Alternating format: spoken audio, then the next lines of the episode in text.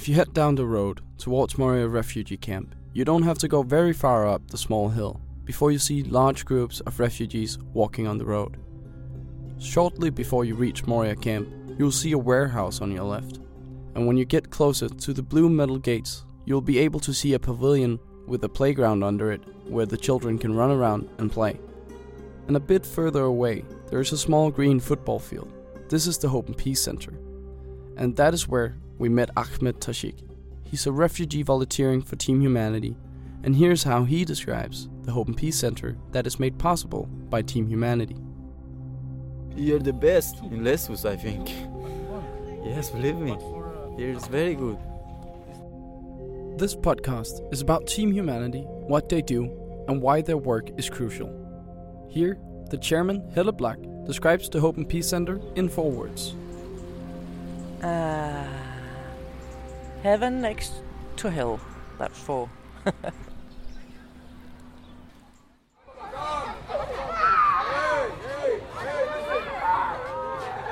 What you hear now is the whole reason we went to Lesbos. This is the sound of Moria Refugee Camp, a refugee camp with a capacity just shy of 3,000, but currently holding about 15,000 refugees. 13,000 of them are living in tents in the olive fields on the hills around Moria camp, ultimately resulting in Moria becoming Lesbos' second biggest city. But the conditions are nothing like a standard European city. It's hard to know where to start when you're talking about Moria. But there are problems with all the key things we need to thrive. You have only blankets, you have no uh, sleeping bag.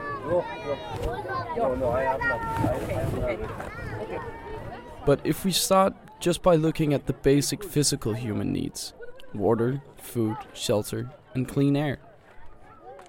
The 13,000 people on the hillside don't have direct access to running water.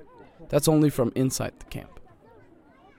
Getting food is an all day task with inhumane long waiting and fights breaking out in the food queue. Only around 3,000 out of the 15,000 are fortunate enough to have an ISO box, which is not good either. The rest live in tents, and if they're fortunate enough, the tent have a wooden pallet to stand on. This means that during the winter, these tents get incredibly cold, and the refugees will do anything to keep them warm. Even burn the heaps of garbage gathered around the camp, which can result in big fires that often causes a lot of people their homes and occasionally even their lives. Hope and Peace Center is a women's and children's center created by Team Humanity only 150 meters from the Moria camp. And every day, the center takes in refugee women and children and gives them clothes, food, and protection.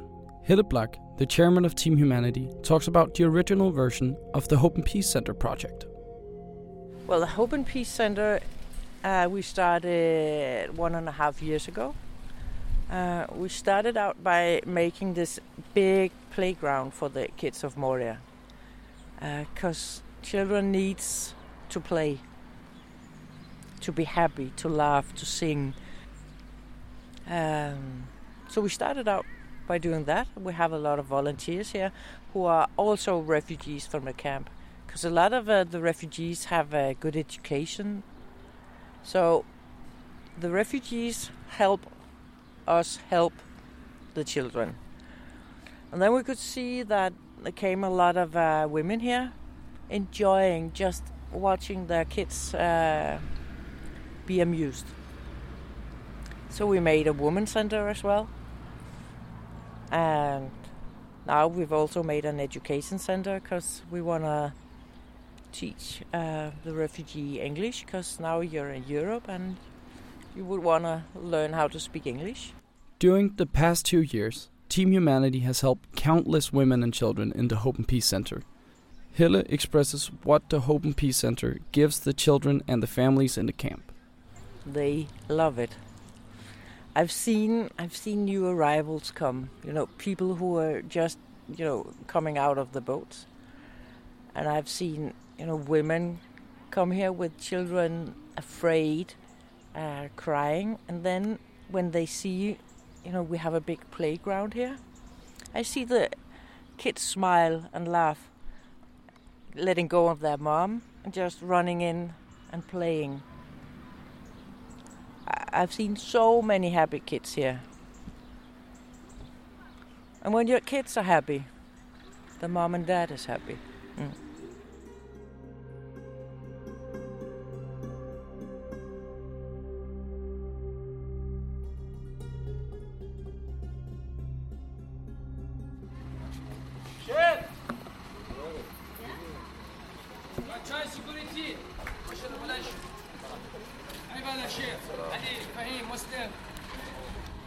Sonia!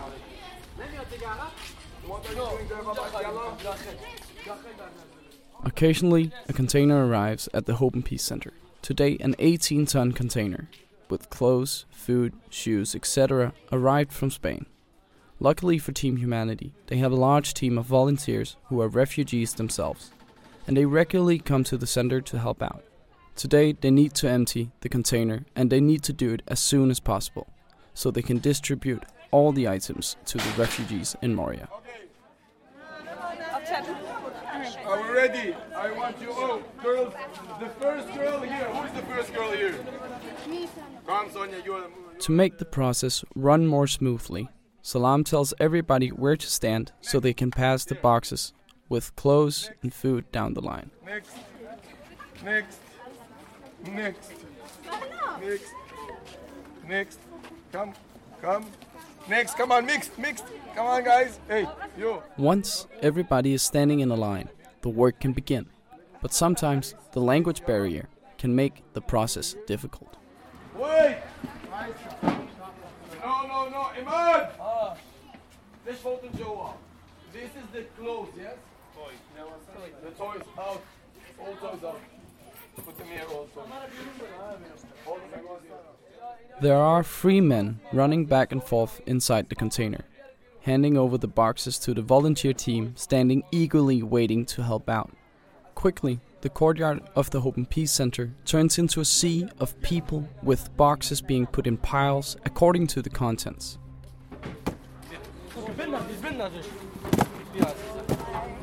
One minute.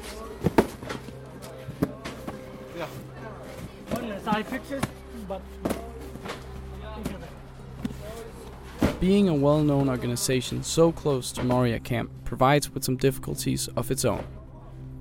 Team Humanity's founder, Salam Al Din, has been the organization's man in the field for the past four years. Here you can hear him talking to some of the refugees who came to the gates of the Hope and Peace Center asking for help. My friend, my friend, listen to me. My system. I do it by my system. I know. Tell him why I do it by my system so the people don't get and sell it. People have one, two, three kalaska, four kalaska.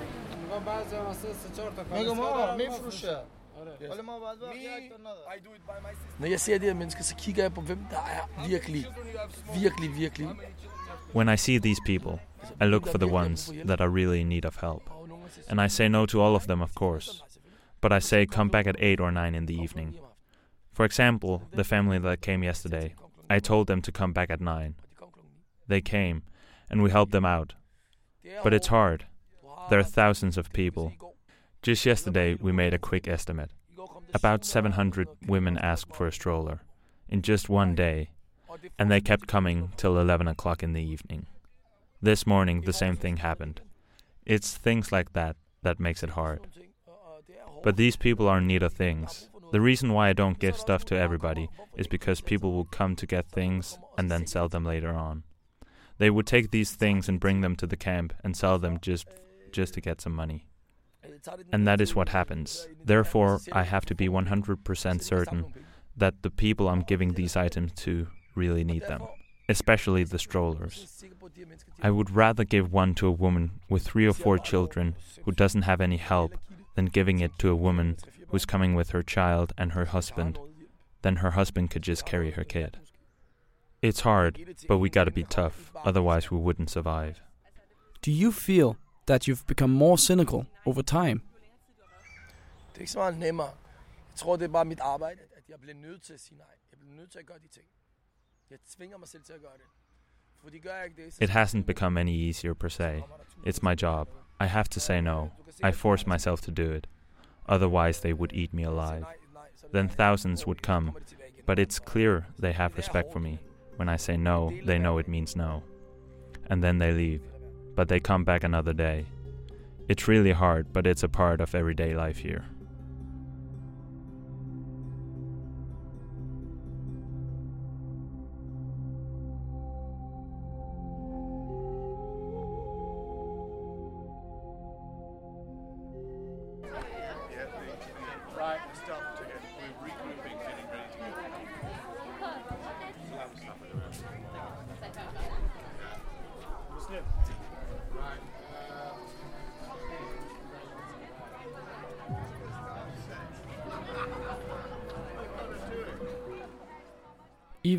The Hope and Peace Center is closed, Team Humanity still continues to do everything they can to help the inhabitants of Moria Camp.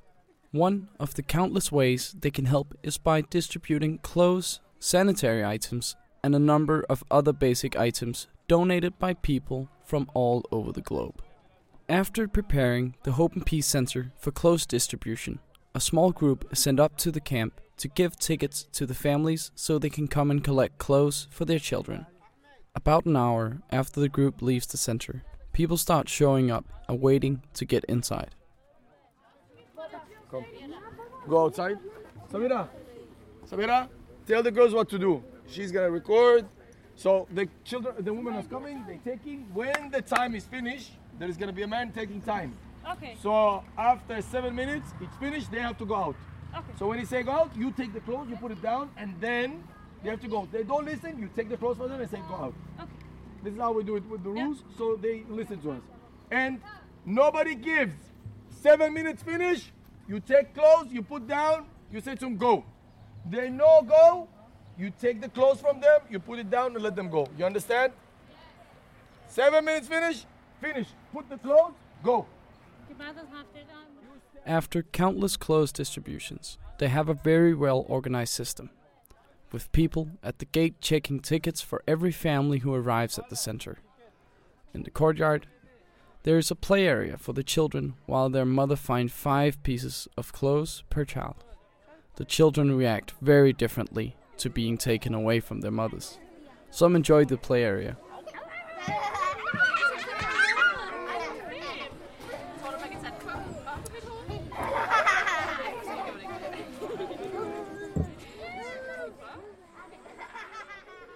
while others don't enjoy it at all.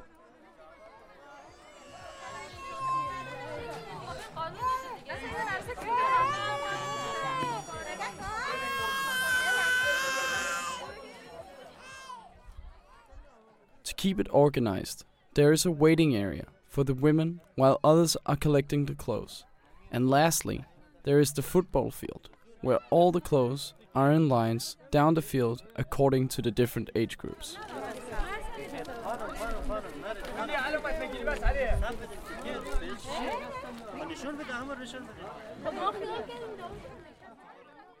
But all the work couldn't be done without a sizable staff of refugee volunteers who regularly come to help.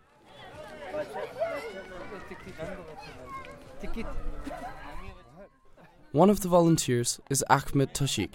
He's 24 years old and he's originally from Afghanistan, where he fled with his family to Iran, then to Lesbos through Turkey. He arrived on the island nine months ago with his family, where he eventually met Salam and was asked to join Team Humanity as a volunteer. We are uh, so happy because we met Salam and uh, he's a very good man. He's um, help us and uh, he all the time um, searching uh, who who needs help and he can help them. He's a very good person, I think. Could you Um, tell a bit about the, the place we're at right now? Uh, I think this place uh, uh, uh, means peace is uh, very good uh, for camp. Now uh, only volunteers uh, can uh, take your food and um, they can come here, play uh, football. We are um, all of us together, uh, eating food together. That center with Salam. We asked him how he feels about the current situation, with the center being shut down by the authorities. I'm so sad uh, because um, we can't uh, help the people and leave the camp. I'm sure, I'm sure, I'm sure they need the help because uh, the government uh, they uh, didn't help them nothing. One of the other volunteers is Fatima. She's 24 years old and was born in Afghanistan, but has lived in Iran for the past 10 years before arriving on Lesbos. During her time in Iran, she taught a gymnastic class for girls only. Besides that, she's a feminist and has made a podcast about the lack of women rights in Iran. She recently arrived on Lesbos, and not long after, she got offered a volunteer job at Team Humanity. We asked her what gives her hope in this time of crisis. Mm, here, uh, next to camp, here's humanity team. Is this place, and also the, give me hope because I have a place for exercise. also, that's it, is happy. I'm happy when I'm exercise here. And some people come here, and I see that people very kind because I understand another people thinking about us, not thinking about yourself. She also told us a bit about how she met Salam. I come here for clothes. Everything I have now, I give uh, from Salam. And he gives uh, clothes, and when come here, he say to me, "You want to volunteer here?" And I say yes, and I come here.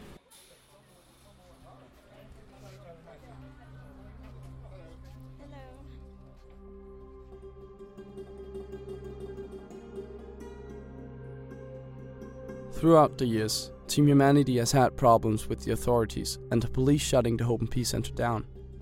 Actually, when we were visiting, the center wasn't open. We talked to Helle about her frustrations of wasting time fighting the wrong battles.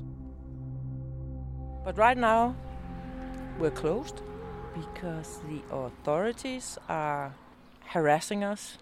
They're coming by every other day saying, ah, this is wrong and that is wrong. So we have to close you down and you have to apply for a new license.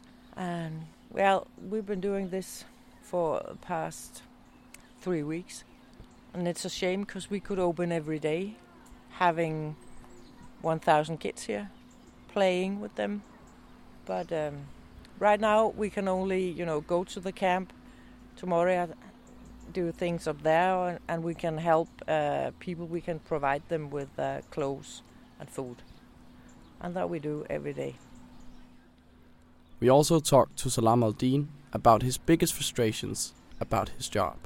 The worst thing is it's when the whole world don't care about these people and the governments don't care about them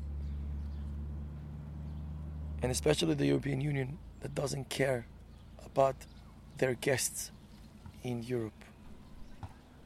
That's the worst thing. But even when it gets hard and unbelievably frustrating, there's room for smiles, laughter, and dreams.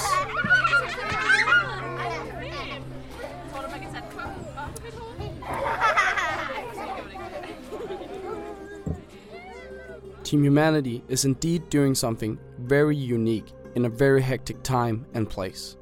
Concluding, we asked Helle to describe the Hope and Peace Center with one sentence, and this is what she said. Uh, heaven next to hell.